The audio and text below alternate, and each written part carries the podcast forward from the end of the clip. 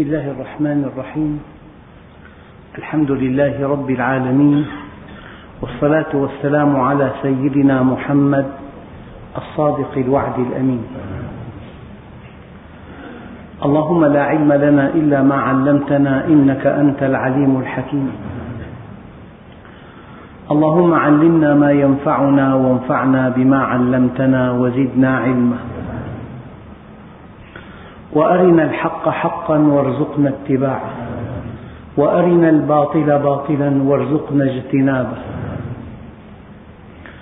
واجعلنا ممن يستمعون القول فيتبعون أحسنه. وأدخلنا برحمتك في عبادك الصالحين. أيها الإخوة المؤمنون مع الدرس الثاني والأربعين من دروس سورة آل عمران ومع الآية الرابعة والخمسين بعد المئة. وقد وعدتكم أن أشرح لكم بفضل الله وعونه قوله تعالى يظنون بالله غير الحق ظن الجاهلية ولأن حسن الظن بالله ثمن الجنة ولأن الإيمان كله حسن ظن بالله. ولأن الإيمان كله أن تظن بالله خيرا وأن تصفه بأسمائه الحسنى وصفاته الفضلى. فكم من كلام يطرح بين المسلمين يؤكد جهلا بالله عز وجل وسوء ظن بالله. فهؤلاء الذين كانوا مع النبي صلى الله عليه وسلم ظنوا بالله غير الحق ظن الجاهلية.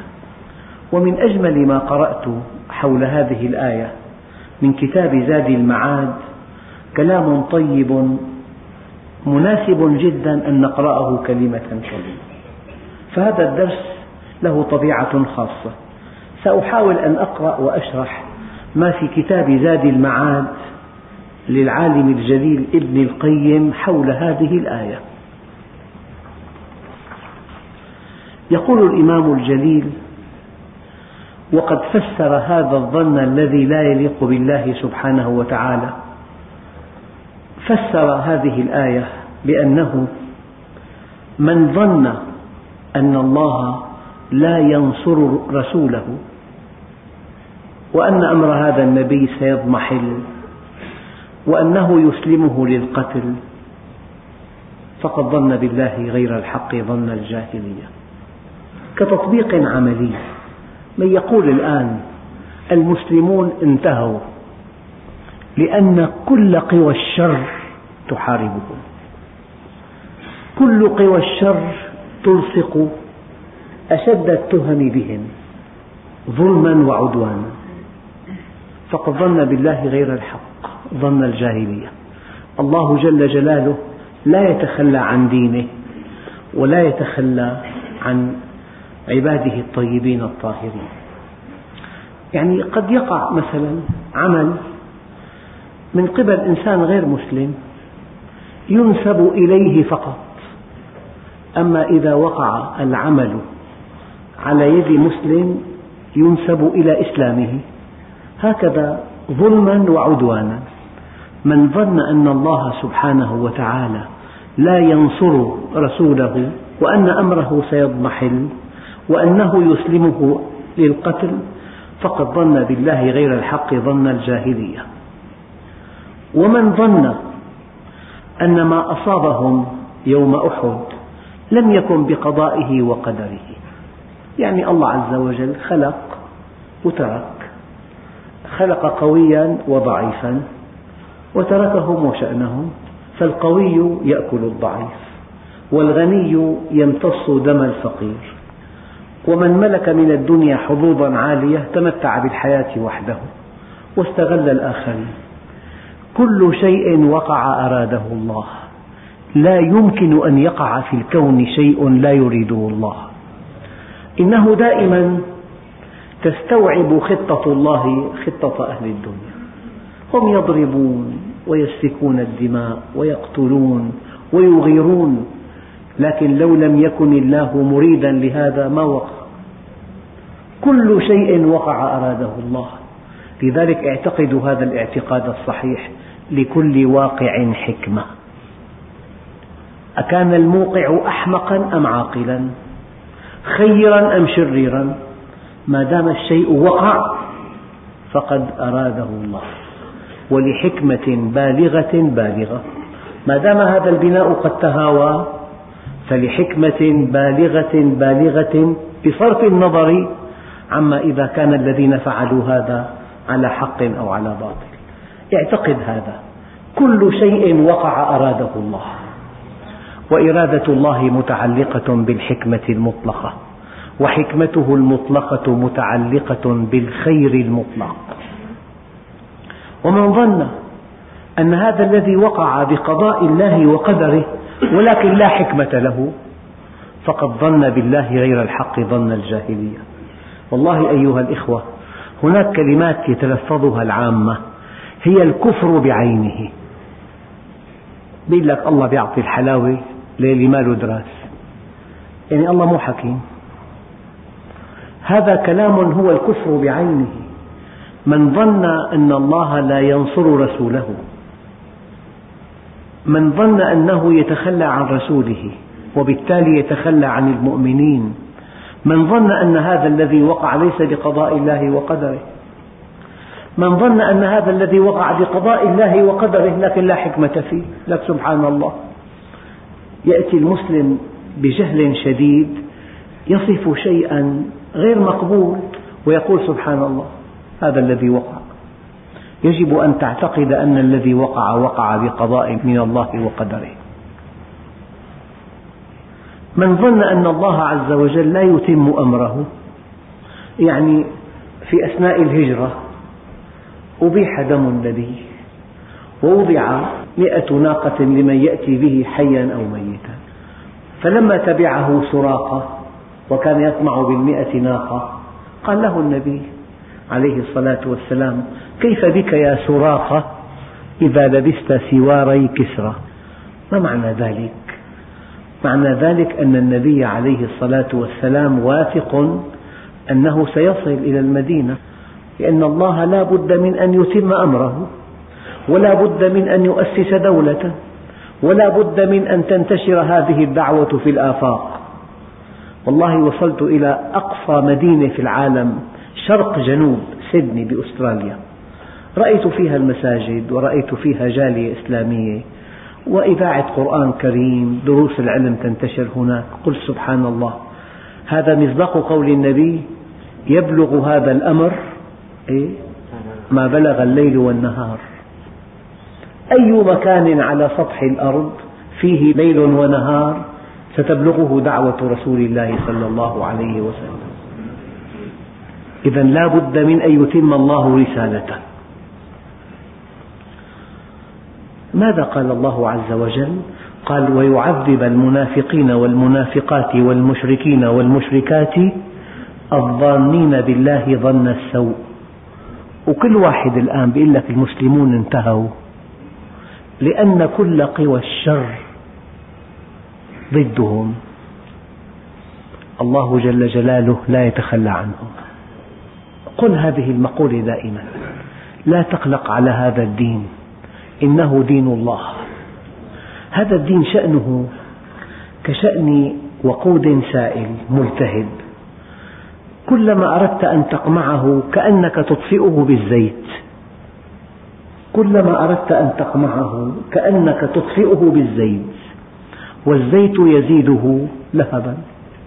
اعتقد أنه ما ضر السحاب نبح الكلاب. وما ضر البحر أن ألقى فيه غلام بحجر.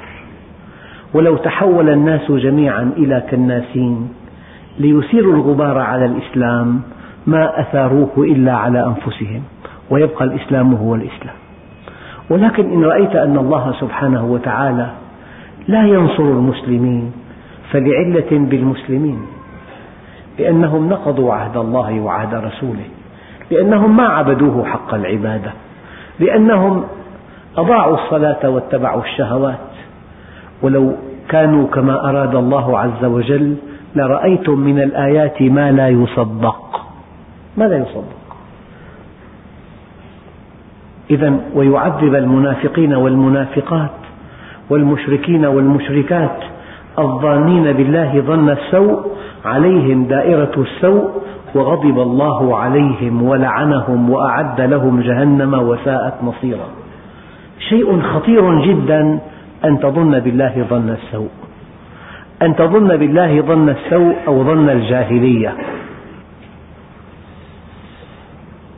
فمن ظن أن الله لا ينصر رسله ولا يتم أمره ولا يؤيد جنده ولا يعليهم ولا يبشرهم على أعدائهم وأنه لا ينصر دينه ولا كتابه وأنه يقوي الشرك على التوحيد والباطل على الحق إدالة مستقرة يضمحل معها التوحيد والحق إضمحلالا لا يقوم بعده أبدا فقد ظن بالله غير الحق ظن الجاهلية.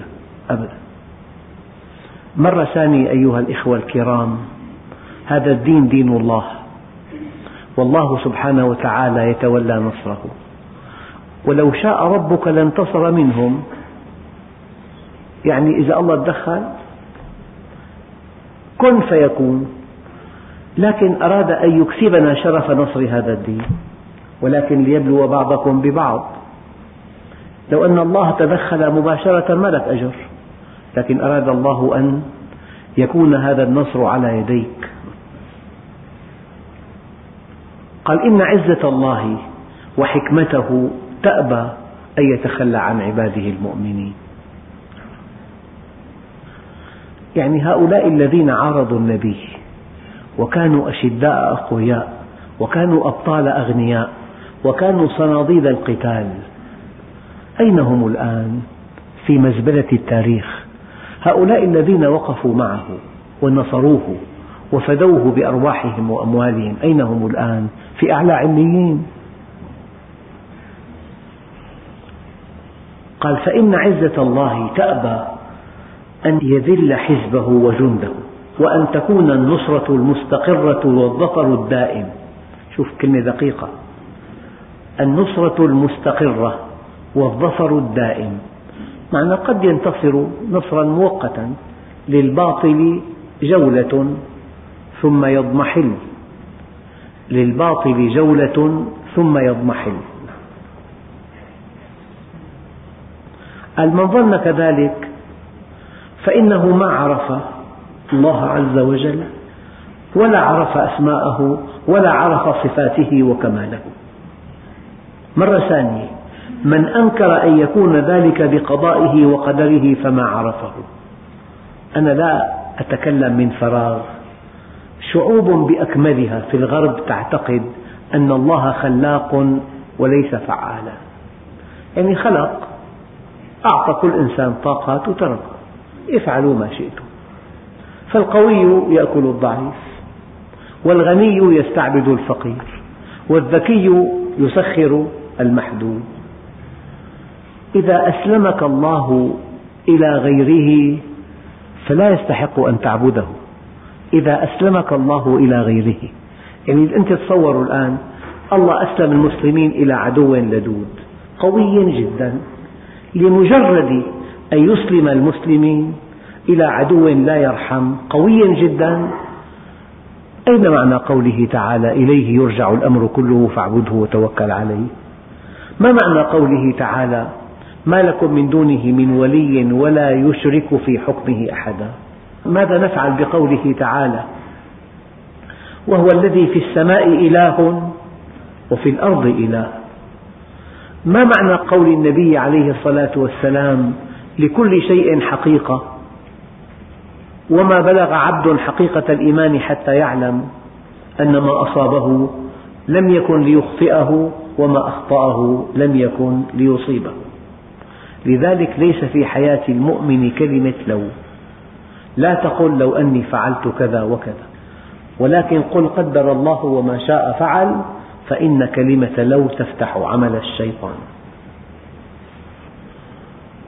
ومن أنكر أن يكون قدره من غير حكمة بالغة وغاية محمودة يستحق الحمد عليها وإنما صدر ذلك من مشيئة مجردة عن حكمة وغاية مطلوبة فهو قد ظن بالله غير الحق ظن الجاهلية.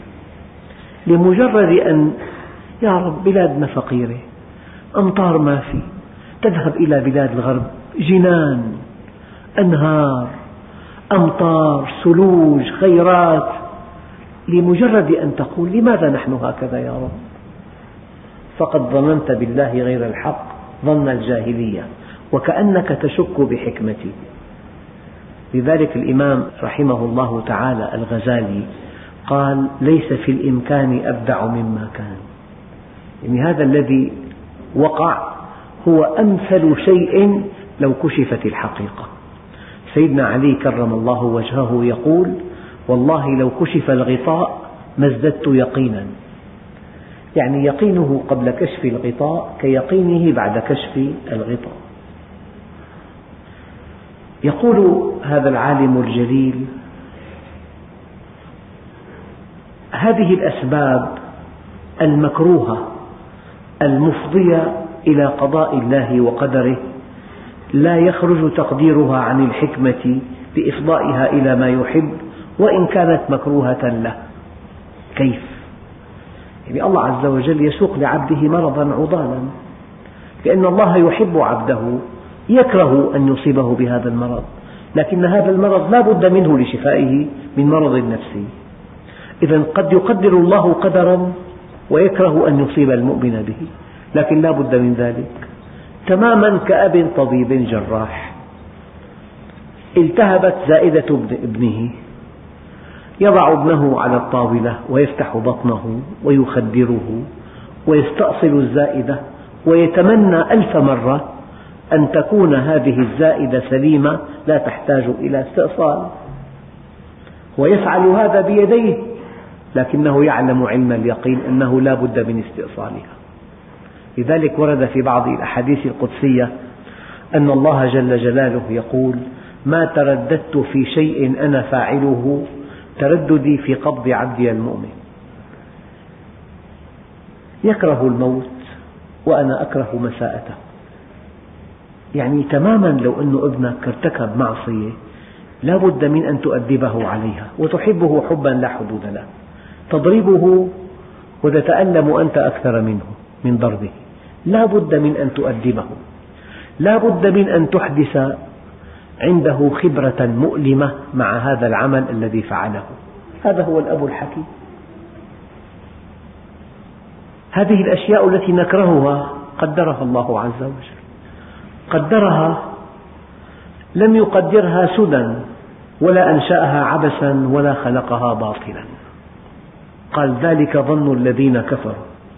فويل للذين كفروا من النار. الظن السوء منتشر أشد الانتشار. مرة قرأت في كلمة في مجلة أنت ضعيف لأنك أخلاقي وأنت أخلاقي لأنك ضعيف. هذا كلام خطير جدا. في العالم الغربي ولا سيما في هذه الدولة العملاقة يقولون مثل عندهم كالفاتحة عندنا. أنت قوي إذا أنت على حق. القوة تصنع الحق. خذ أموال الناس بالباطل لأنك قوي هذا هو الحق. قيل في هذه الأيام القوة من دون حكمة تدمر صاحبها. هذا الذي وقع. قوة وعنجهية وغطرسة وتجاهل لحقوق الآخرين أدى هذا كله إلى شيء لا تحمد عقباه. ذلك ظن الذين كفروا فويل للذين كفروا من النار. قال وأكثر الناس يظنون بالله غير الحق ظن السوء فيما يختص بهم وفيما يفعله بغيرهم. تكون أنت بوضع مريح. لو أنك رأيت طفلا مصابا بمرض عضال تعترض على الله لماذا أصابه هكذا؟ ما ذنبه؟ الإنسان أحيانا يتجاوز سوء ظنه لا إلى ما يفعله الله به بل إلى ما يفعله بغيره. أنا لا أنسى أن مقابلة جرت بين أحد يعني من يعمل في الإعلام في البوسنة وبين مفتي البوسنة. قال كلام خطير. قال لا تعتبوا على الله من أجلنا. يخاطب المسلمين في المشرق. لا تعتبوا على الله من أجلنا. نحن لسنا مسلمين. نأكل الخنزير ونأكل الميتة ونأتي الفواحش ونشرب الخمر. بعد هذه الشدة الشديدة أصبحنا مسلمين. الآن أصبحنا مسلمين. أحيانا يصاب إنسان بمصيبة بالغة بالغة. عقب هذه المصيبة يستقيم على أمر الله. لا تعرف حكمة المصائب إلا من نتائجها. في أثناء وقوعها مؤلمة جدا مؤلمة جدا. لكن لولا هذه المصيبة ما كنت بهذا الحال. قال ولا يسلم من هذا الظن السوء إلا من عرف الله وعرف أسماءه وصفاته وعرف موجب حمده وعرف حكمته.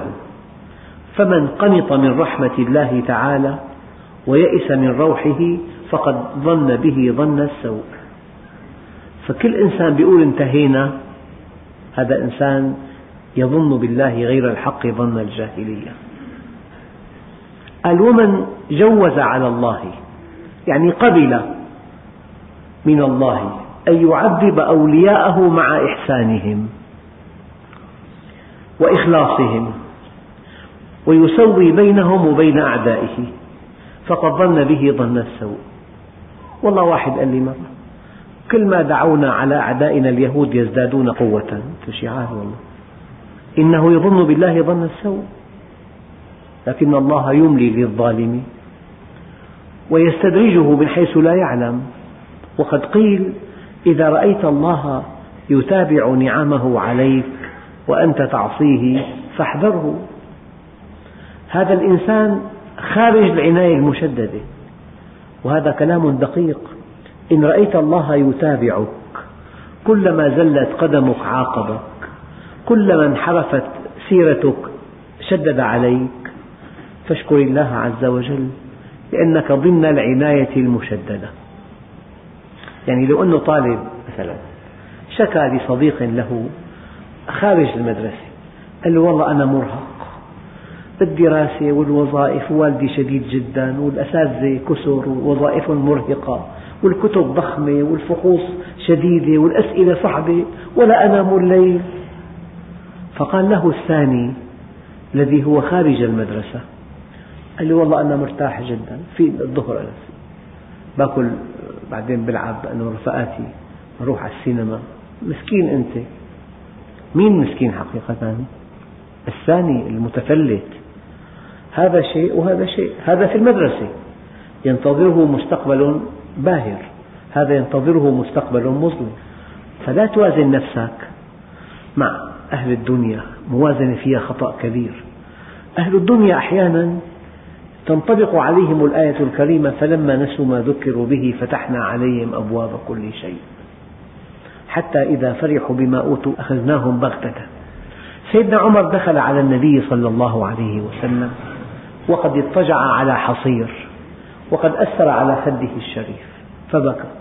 قال يا عمر ما يبكيك؟ قال رسول الله ينام على الحصير وكسرى ملك الفرس ينام على الحرير. هذه المفارقة ما فهمها.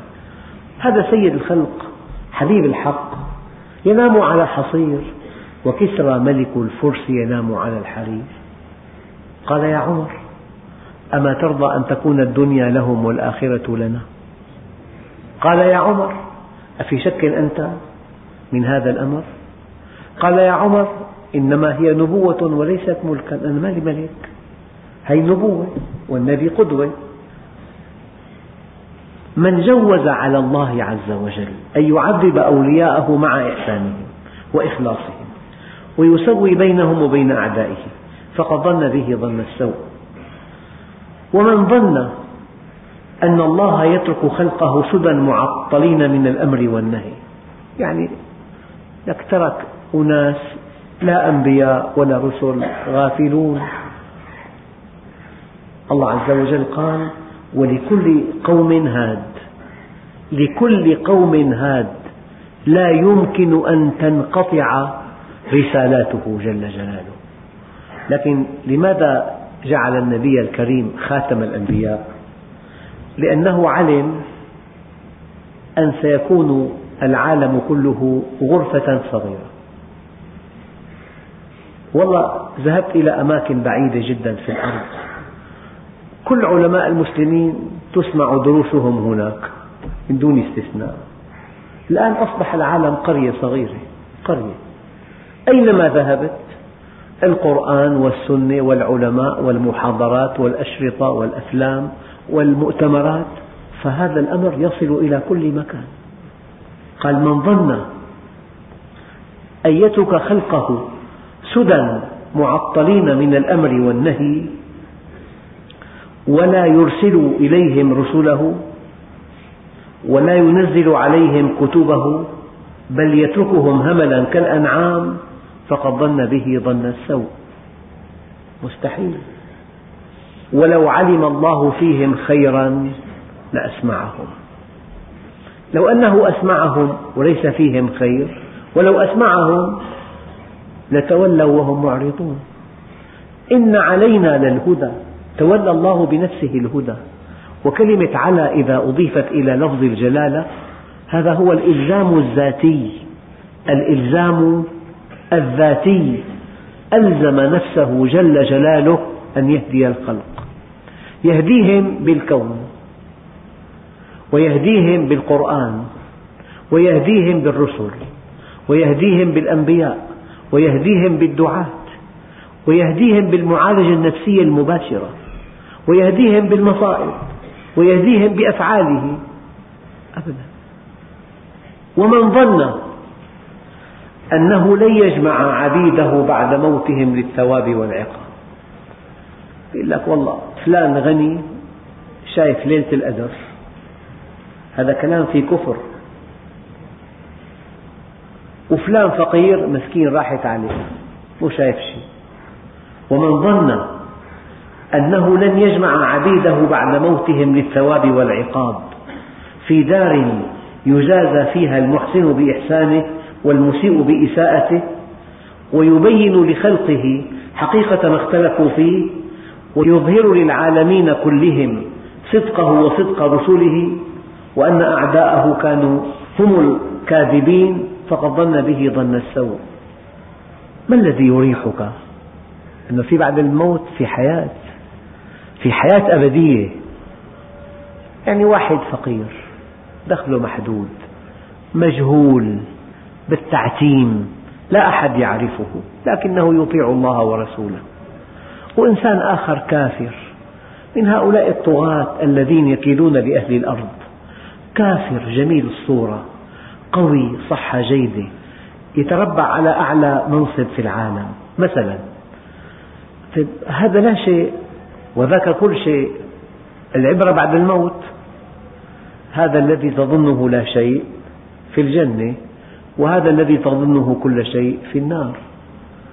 لمجرد أن تظن أن هذه الدنيا هي كل شيء أنت لا تعرف الله. السبب أن الحظوظ متفاوتة. طيب امرأة وسيمة يتزوجها غني كبير وامرأة تتمنى أن تتزوج فلا تجد الزوج. طيب ما ذنب هذه؟ هكذا خلقها الله عز وجل. لو لم يكن هناك دار آخرة تسوى فيها الحسابات إنسان تمتع بغنى فاحش. أكل ما لذ وطاب وسكن في أجمل البيوت وركب أجمل المركبات وإنسان يتمنى أن يأكل قطعة لحم بالشهر لا يجدها. الآن ومن ظن أن الله جل جلاله يضيع على المؤمن عمله الصالح الذي عمله خالصا لوجهه الكريم على امتثال أمره ويبطله عليه بلا سبب. والله آلاف الأشخاص يقول لك إن أحدكم ليعمل بعمل أهل الجنة حتى ما يكون بينه وبينها إلا باع أو ذراع فيسبق عليه القول فيعمل بعمل أهل النار فيدخلها هذا حديث صحيح له تفسير دقيق جدا لكن يفهمه على ظاهره أن الله أحيانا يضع عبدا مؤمنا أفنى كل عمره في طاعته في النار. هكذا الجواب لك لا يسأل عما يفعل. شعال والله. كيف نتعامل مع إله عظيم؟ يعني يضع عبده الذي أفنى حياته في طاعته في النار. هذا أيضا ظن, ظن سوء شديد. من ظن أن الله يضيع على المؤمن عمله الصالح يعني كان ممكن يكون معه مئة مليون. بقي على راتب محدود لأنه ذاك الغنى فيه شبهة. أم بقي فقير طول حياته ومعذب.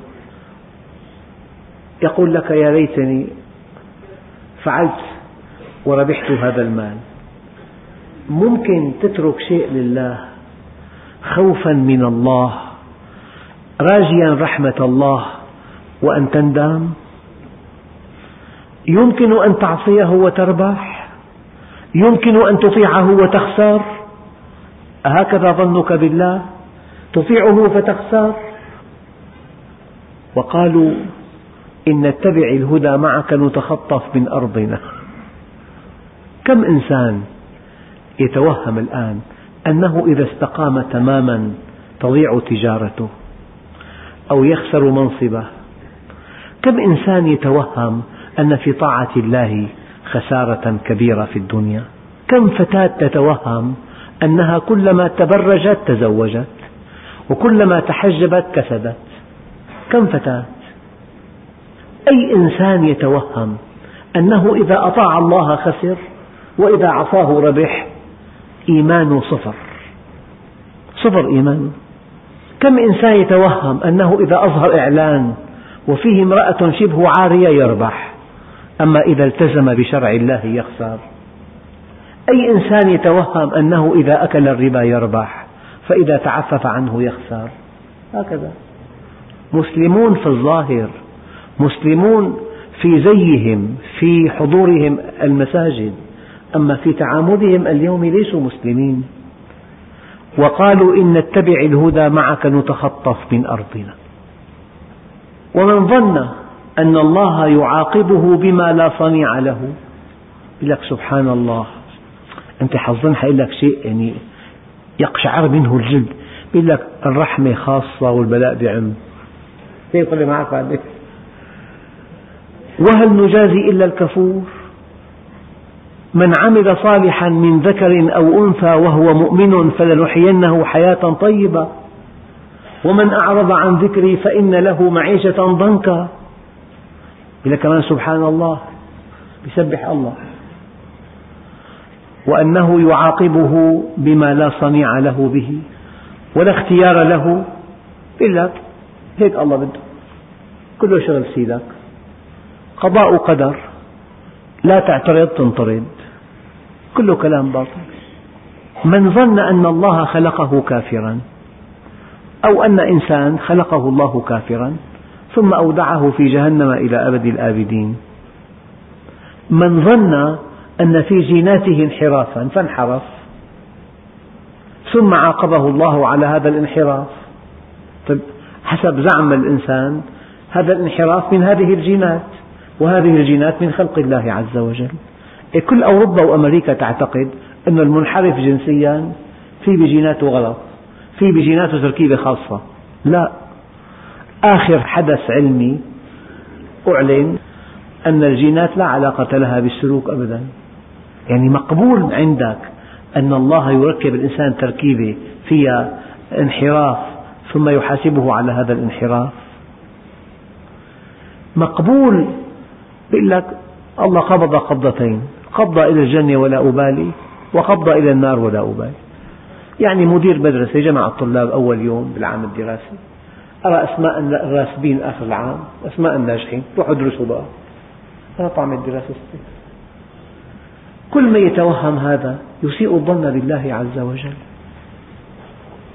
من ظن أن الله يؤيد أعداءه الكاذبين بالمعجزات لك أنزلوا مطر عن طريق الطائرات.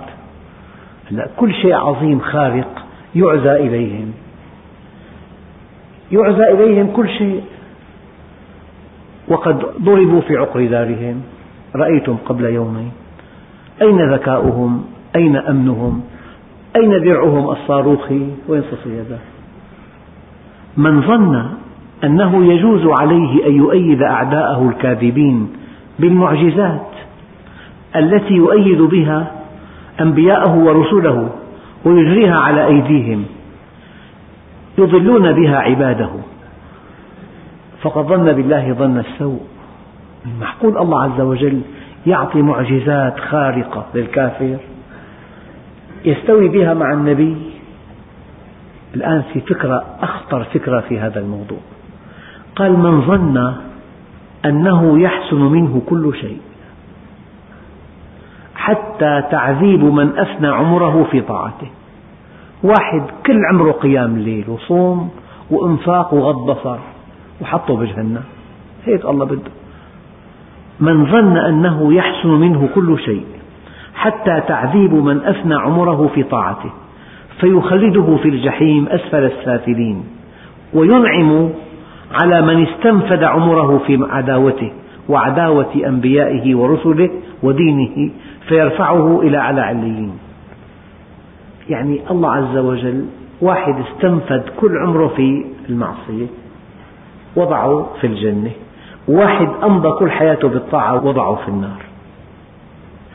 وكلا الأمرين عنده في الحسن سواء. ما دام ورد نص يا أخي هيك ورد. ولا يعرف امتناع أحدهما ووقوع الآخر إلا بخبر صادق. هيك النص. عد النص. ما دام ورد النص عطل عقله نهائيا.